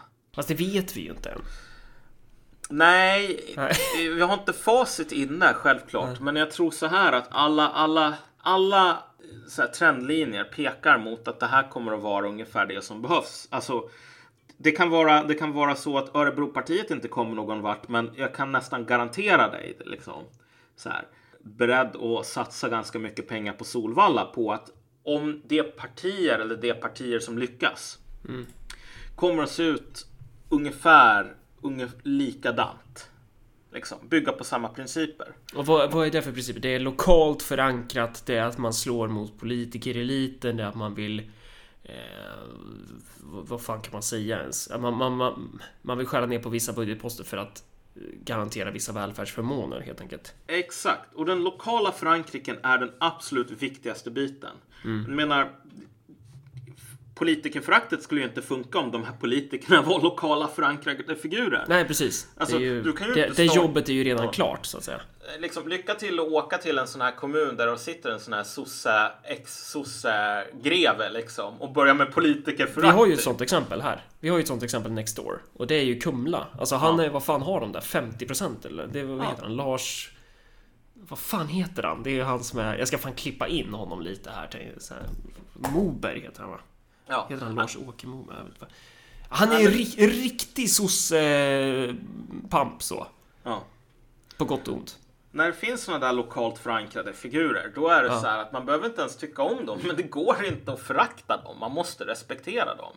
Därför att det här är människor som, ja men de känner alla och det är folk som fan inte håller på Alltså de är inte elitistiska på det här sättet som liksom Harry Potter-vänstern är, där alla som inte tycker som jag är dumma i huvudet. Mm. Alltså det här är ju, det här är män av folket i någon bemärkelse på det här populistiska demagogiska sättet självklart. Mm. Och som sagt, populism, det funkar inte, eller politikerfrakt funkar inte när det är en sån på andra sidan. Det kommer att rinna av dem som vatten på en gås. Det kommer bara straffa ut dig själv med. Men anledningen till att de, det rinner av dem, det är ju för att de är lokalt förankrade. Och det är så här, det som slår en, det, det den, den, Jag ska bara, Dan-Åke Moberg heter han. Okej. Okay. Men den intellektuella resan som man har varit tvungen att göra för, efter att man har lärt sig om hur saker och ting funkar, hur världen faktiskt ser ut mm. och hur socialistisk politik har sett ut historiskt. Det är ju bara att man inser att ideologi, vilket de flesta liberaler och typ de flesta inom vänstern Ja, men de flesta inom politiken idag kanske? Ja, snarare. Jo, alltså från KD och vänster ut så är det nog den vanligaste synen på politik att ideologi spelar otroligt mycket roll. Mm, mm. Och det stämmer inte. Alltså, det funkar skitbra på ett seminarium. Det är verkligen då det är det viktigaste någonsin. Ah. Uh, men inom politiken så är det en lite felaktig bild. Det, är snarare det beror också på vad du menar med ideologi då. Ja. Alltså vad, vad menar du då? Alltså det här med att politiken är någon slags metafysisk kamp eller alltså det här millinära, att det är, är det allt det där eller? Vad... Jag skulle säga så här, ta trottar. Vi kan ta trottar som ett exempel. Ja. Trottar är ju den mest renodlade formen på den här liksom intellektuella degenereringen. Därför att de tänker att det viktigaste som finns är att ha en tidning. Mm. Och varför är det sjukt viktigt att ha en tidning? Jo, det är för att man ska få ut sitt budskap, man ska få ut sin ideologi, man ska få ut sina principer. Mm. Och folk kommer att läsa det här och bara tänka oh, wow vad jävla ballt. Det här är människorna som har rätt ideologi och rätt principer. Honom ska vi ha, som man säger om tjuren Ferdinand. Mm. Och det är inte så det funkar. Det är därför som trottarna aldrig kommer någon vart. Därför att, kolla. Ideologi är otroligt nödvändigt. Det är ungefär som att ha en lagtröja på sig i fotboll. Om du går ut på fotbollsplanen naken så kommer inte du få spela. Alltså, du kommer inte vara med i matchen. Mm. Du kommer antagligen att åka in i fängelse för någonting också. Du behöver en lagtröja. Men vem som helst kan ju köpa en lagtröja. Och själva för innehavet av en lagtröja gör dig inte till en fotbollsspelare. Så här. Det, det, är inte den första grejen som folk tänker på när de tänker så här. Vad är det som skiljer en bra spelare från en dålig? Eller en framgångsrik spelare från någon som bara sitter på läktaren? Det är inte, har den här personen köpt en lagtröja?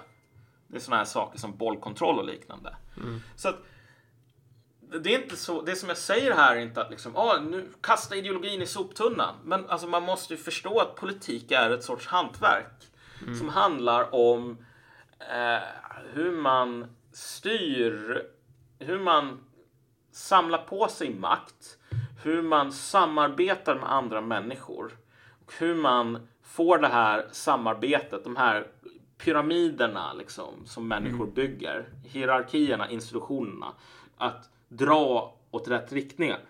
Mm. vi kan illustrera det här skitbra med en person som heter Vladimir Lenin. Därför att du har ju en del kompisar som menar att han, han förstår inte marxism på riktigt. Ja, och det är ju, ja dels har jag ju det, men sen det är ganska vanligt bland akademiker eller personer Ja. som, som ser sig som marxister och som har liksom gått en ingång via akademierna, att de har studerat någon, alltså någon Marx-text och sen har de börjat läsa vidare. Så, att- så att de är inte liksom praktiskt intresserade av politik, utan de är intresserade av ideologi just på det här, som du sa, seminariemässiga planet. Och nästan alla de säger samma sak om Lenin, att så här, bara, ah, men han, var, han var en dålig, han var en dålig marxist. Han, eh, han förstod inte marxismen. Han, han kunde inte, alltså, och, ja, jag vet inte, jag vet inte var jag ska börja ens. Men, Alltså jag, vill, eh, jag, jag vill nästan osäkra min Mohsen Nagant, men jag måste ändå ge de här människorna rätt på ett plan. Ja, om, om man kan göra det, men grejen är det är helt irrelevant. För Lenin, Lenin leder. Det är ju han, han har ju kommit längst. Ja, alltså för det, det, det grundläggande misstaget som de här människorna begår, och det är ju otroligt vanligt idag, det är när de säger så här, men vet du vad, jag har läst Marx, för jag är akademiker, jag är så jävla smart, jag är en intellektuell, och jag vet att det är så här det betyder egentligen, de här rena, metafysiska, liksom, platonska principerna, att de ser ut så här. Och sen så kollar jag på NEP. Och det faktum att Röda armén införde såna här gradbeteckningar på uh, axlarna igen. Eh, på 30-talet och allting sånt. Jag säger, det här är inte den sanna marxismen. Det här är någonting annat. Oftast så brukar det vara ännu mindre, alltså det kan vara analysen av kapitalismen i Ryssland eller vad, Ja. att, att, att Lenin anklagas för att vara elitist eller vad det nu annat är. Mm, ja men exakt. Det här är människor som säger, vet du vad? Den här personen rör sig inte i, mitt, i min värld Nej. av fryst metafysik. Eh, På sättet som jag gör. Och det har du ju rätt i. Lenin han är jättedålig på att tävla i Special Olympics. Alltså, det, han kommer sist varje gång. Ja. Eh, när det gäller att tävla om vem som är mest eh, ja, Ja, vem som Annorlunda begåvad. identitetspolitisk liksom. Ja, alltså vad Lenin däremot var väldigt framgångsrik. Fast det får man ju fan knappt säga i det här landet längre. Nej, är, han var en bra politiker. Alltså det ty- tycker jag till och med hans fiende behöver respektera. Att han var en jävligt bra politiker. En framgångsrik sådan. Det är inte världens enklaste giv att få.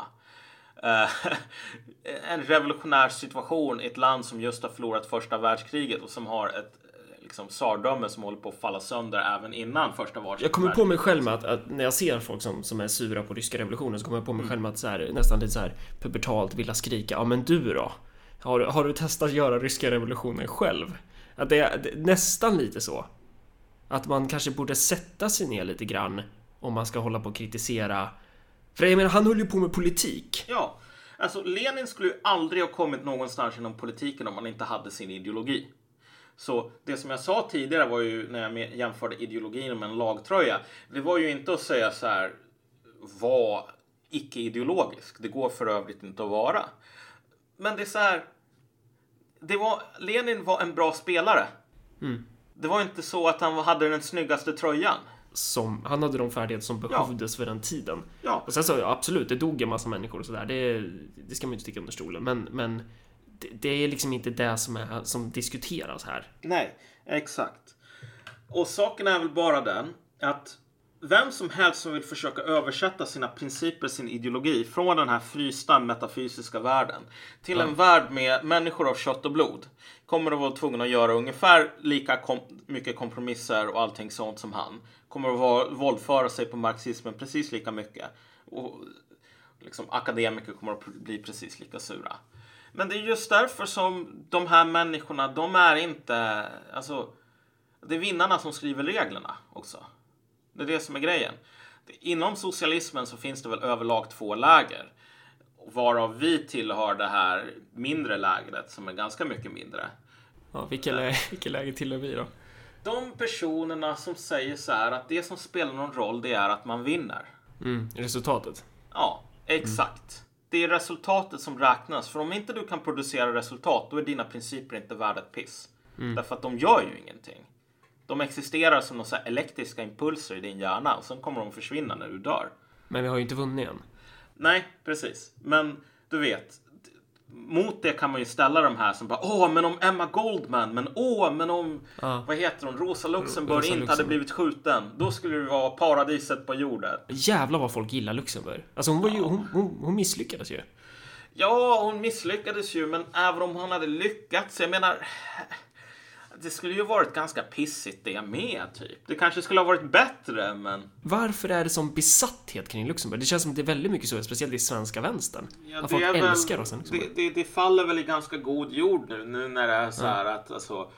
Eh, så här, blir mer och mer den här officiellt att man kan säga att nej, men Marx var en vit cis-gubbe, typ. Ja, just det. Eh, och då är det ju tur att det finns någon som är typ rasifierad uh, judinna från Polen, överklass. Ja. Som man kan eh, säga, men hon, hon, är en, hon är som jag, en riktig kampsyster. Sådär. Men, men rent konkret, det skulle väl ha blivit riktigt tråkig, pissig realsocialism om Rosa Luxemburg hade vunnit. Eller så skulle det ha blivit total katastrof. Ehm, vilket, och det, blev, det har alltid blivit realsocialism eller total katastrof när socialister har vunnit. Liksom. Precis som med alla andra ideologier någonsin. Så blir det antingen en pissig skurbänksrealism eller millenär katastrof. Så man, man behöver kanske tänka på lite annorlunda sätt än vad man... Ja. Och men, men om du tänker dig tillbaks till den här kritiken som ÖP fick så otroligt mycket så var det så Åh, vet du vad jag har läst deras principprogram? De är sossar!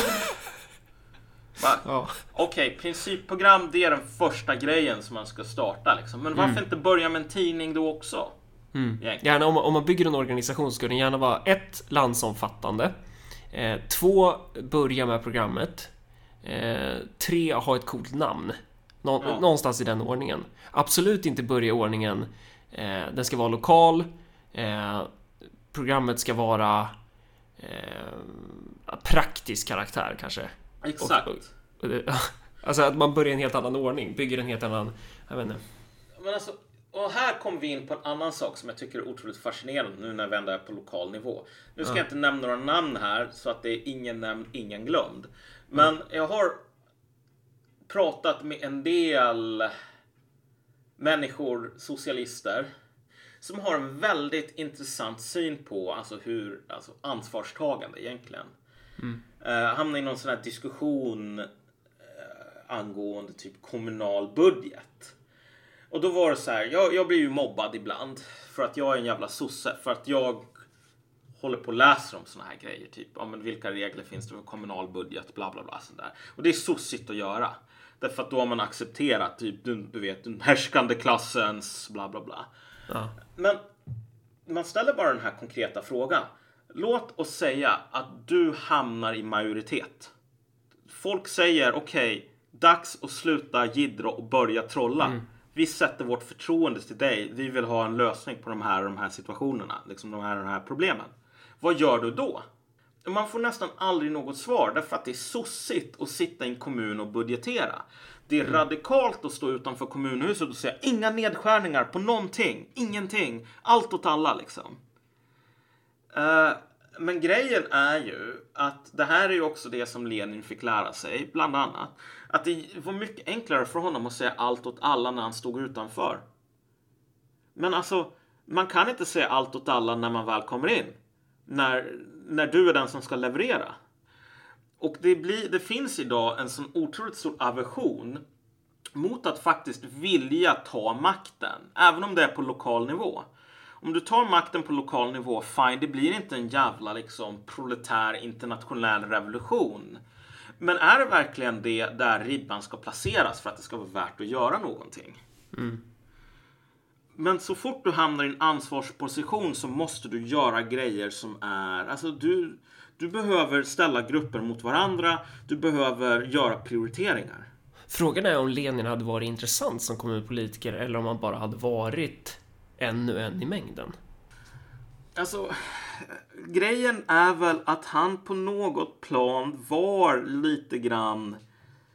Men var han, är ju, han är ju väldigt pragmatisk på, i, alltså i den, i den met- metodiken, vad ska man säga? Ja, alltså jo men precis. Jag tror att Lenin var väl väldigt eh, unik på ett plan i att han har ju det här eh, superförmågan. Typ. Han är bara superbra på det här. Men jag menar, alltså, i, i, i mindset och liknande så skulle han väl inte, så skulle, är han ju inte ett unikum. Alltså han är inte sui generis. Utan han är bara mycket mer framgångsrik så här, realsocialist än de flesta realsocialistiska apparatchiks. Um, men det där är en bra poäng. Just att möjligtvis så är mycket av den här hjälteglorian inte direkt på grund av de färdigheterna. Utan på grund av att man kan projicera massor med saker här. Uh, drömmen, om, drömmen om ett samhälle där man inte behöver ta ansvar och där det är så här att det är inte så att från, en, från var och en var efter behov. Mm. Utan det har avskaffats. Du kommer till paradiset. Det är bara till var och en efter efterfrågan. Precis, det är väldigt intressant hur man projicerar vår samtida eh, ideologi på det här som hände för hundra år sedan. Ja. Någonting som de här människorna absolut inte stod för och kanske snarare skulle hata.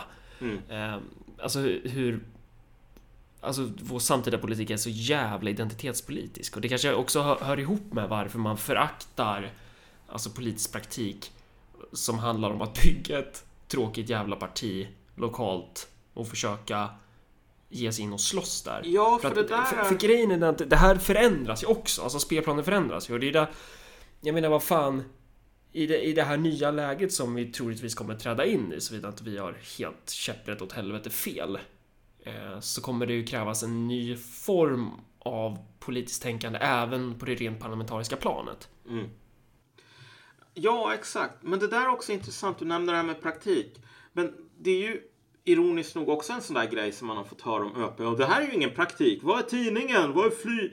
Ja, flygblad finns det ju nu liksom. Men, så här, men vad är de...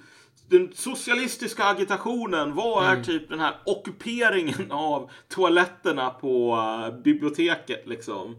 Så här, vad, vad, vad, vad är praktiken som är sant socialistiskt? Och det är ju sant, vi är ju inte socialistparti och vi vill ju inte vara det heller. Sen, sen har vi väl kanske en och annan kommunist i, i partiet kanske så. Men, men vi är ju inte... Vi strävar ju inte efter att vara en del av det där. Nej, exakt. Jag menar så här, det, det, det är ju en värdig grej att markera idag. Du får fan vara med i det här partiet oavsett om du, eller rösta på det till och med, oavsett om du är någon sån här person som lyssnar på Eddie Medusa mm. och har, jag vet inte vad någon sån här kalender med lättklädda kvinnor på arbetsplatsen. I don't fucking give a shit. Uh, finns större problem att åtgärda idag och det är också så att det ska inte vara den här exklusiva personlighetskulten slash liksom personklubben som det är mm. idag. Uh, sen att det som man kommer få i polit politikväg inte kommer att vara liksom så jävla mycket marknadsdyrkan och allt det där. Ja, okej, okay, fine, det får man väl leva med i så fall. Men dörren står öppen. För det är ju sant att säga att, att det är... Eh, eller sant och sant. Jag menar, om vi tittar på de frågorna, det är definitivt sant att säga att det är populistiskt, för det är ju precis vad det är. Mm. Eh, men Alltså vissa som skulle säga att ja, men de är sossar, ja men det kanske ligger någonting i det. Eh, rent, rent politiskt, alltså i sakpolitik, vad vi driver för frågor. Men sen handlar ju det också om hur tänker man att det här ska gå vidare? Hur, hur ska ÖP kunna vara en del av ett nationellt bygge? Alltså av ett, ja. av ett nytt parti och sånt här. Eh, och det är massa bitar som, som ska på plats men, men just det där som du sa att man måste kunna vara öppen för personer med andra åsikter. Det är ju självklart. Alltså, man, för att om man skulle bygga efter den här modellen med att man börjar med, med det principprogrammet som är, som är så jävla bra och som man har suttit och jobbat på i 12 år typ. Eh, då kommer, alltså det, det tar ju stopp där. Det är ja. bättre att börja i änden. Här är konkreta faktiska problem. Här är en vägbula. Vi måste, vi måste lägga en vägbula i Mellringe. För de kör för fort på den här vägen. Alltså man börjar i den änden. Mm. Men, men, men det saken med det som du tar upp här som är, mm. intressant och som hakar in i det som jag sa tidigare att kanske inte förstod hur tidsrelevant som Örebropartiet eller den modellen i alla fall är. Återstår mm. att se vad som händer med partiet. Men det är ju för att du tar upp de här grejerna om man ska bygga en vägbula till exempel. Mm. Och i i, i det gamla Sverige, Sverige som inte var på det, står ungefär det som man behövde göra på lokal nivå. Mm. Det var att implementera order som kom ovanifrån. Och så fick man resurser ovanifrån så att det räckte. Och allting funkar. För de här institutionerna som vi hade, liksom, välfärden, våldsmonopolet, allting sånt funkar. Mm. Men vad vi talar om nu, det är ett lokalt förankrat parti i en tid där våldsmonopolet håller på att utmanas stup i kvarten. Och där du redan har olika sådana här grannsamverkan, Ja. medborgargarden, ditten och datten. Massor med eufemismer finns det. Som håller på börjar nosa på det där. Mm. Och då kommer det att vara så här att orderna kommer att komma från Stockholm. Folk kommer att säga betala för det här. Nu ska ni ta emot 2000 nya flyktingar, fixa bostäder. Och så kommer det inte att finnas några resurser, för det följer inte med längre. Uh, och sen så här, men vårdgaranti, fixa det. Finns det några resurser till det? Nej, det kommer inga från Stockholm. Och allt det där, det kommer att bli, man kommer att bli mer och mer isolerad lokalt. Och man kommer att bli mer och mer tvingad att hitta lokala lösningar på så här grundläggande problem. Så då blir det här, snarare än att liksom administrera typ färgen på staketet på förskolan, så kommer det att bli de här grundläggande sakerna. Staten har tidigare haft monopol på dem.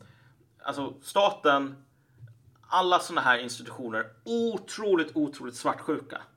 Om de kan bestämma över någonting, då vill de inte att någon annan ska göra det. Så alla de här frågorna som har varit viktiga för människors vardag, de viktigaste sakerna liksom, i Maslows behovspyramid, det har staten lagt monopol på. Det har liksom centralmakten lagt monopol på. Och det som alltid händer, det händer alltid i historien att det, den processen sker och sen så kommer det blir det problem för centralmakten och sen så kommer det folk lokalt och snor alla de här portföljerna. Därför att centralmakten har ett så svagt grepp så att den inte kan hålla fast vid de här längre. Så att det här kommer nog att bli, om vi ska vara helt ärliga, liksom, hur kommer det att bli den här framtida krisen? Jag menar, i värsta fall så kan det se ut som Ryssland. Och det som vi ser i Ryssland, det är ju att centralmakten för, förr eller senare så etablerar den sig igen. Eh, Jag tror inte att svenskar är så jävla hype på typ klansamhällen och liknande. Alltså så här, gå tillbaks till det, så här, familjeband, blodsband, sådana saker. Nej. Utan om centralmakten försvinner, så som den gjorde i Ryssland, då kommer man att reagera som ryssarna, vilket är det här är sjukt onormalt, det här är kaos. Vi måste ta tillbaks det normala, vilket är en stark centralmakt. Men under tiden så kommer det att vara det här hela havet stormar och lite den här krigsherreeran. Sky- skyttegravskriget övergår till rörligt krig så att säga. Ja, är det inte exakt. det Gramsci, Gramsci säger? Interregnum och hela... Ja, Hela faderullen. exakt. Ehm, och det finns alltid alla de här fantasierna om det här. Vi har ju varit inne på det innan, det här med apokalyps och liknande. Mm. Ja men det här profetiska, millinära... Alltså så som man föreställer sig ett sammanbrott. Ja. Men jag menar, sorry, du kan åka till Johannesburg idag och då kan jag ge dig tipset. Stanna inte när det blir rött ljus om du inte vill bli kidnappad. Men jag menar, det är ju en vardag där också. Det är bara så att folk inte stannar vid rödljus. Och sen ibland då och då så blir någon kidnappad och så liksom flyter upp i floden med halsen avskuren för att familjen inte kunde betala eh, lösensumman. Men det är också en vardag. Ja, men alla problem som vi kommer att få i Sverige. I bästa fall så kommer det inte bli lika illa som Johannesburg. Kanske blir det på ett eller två ställen i landet. Det är nog inte omöjligt.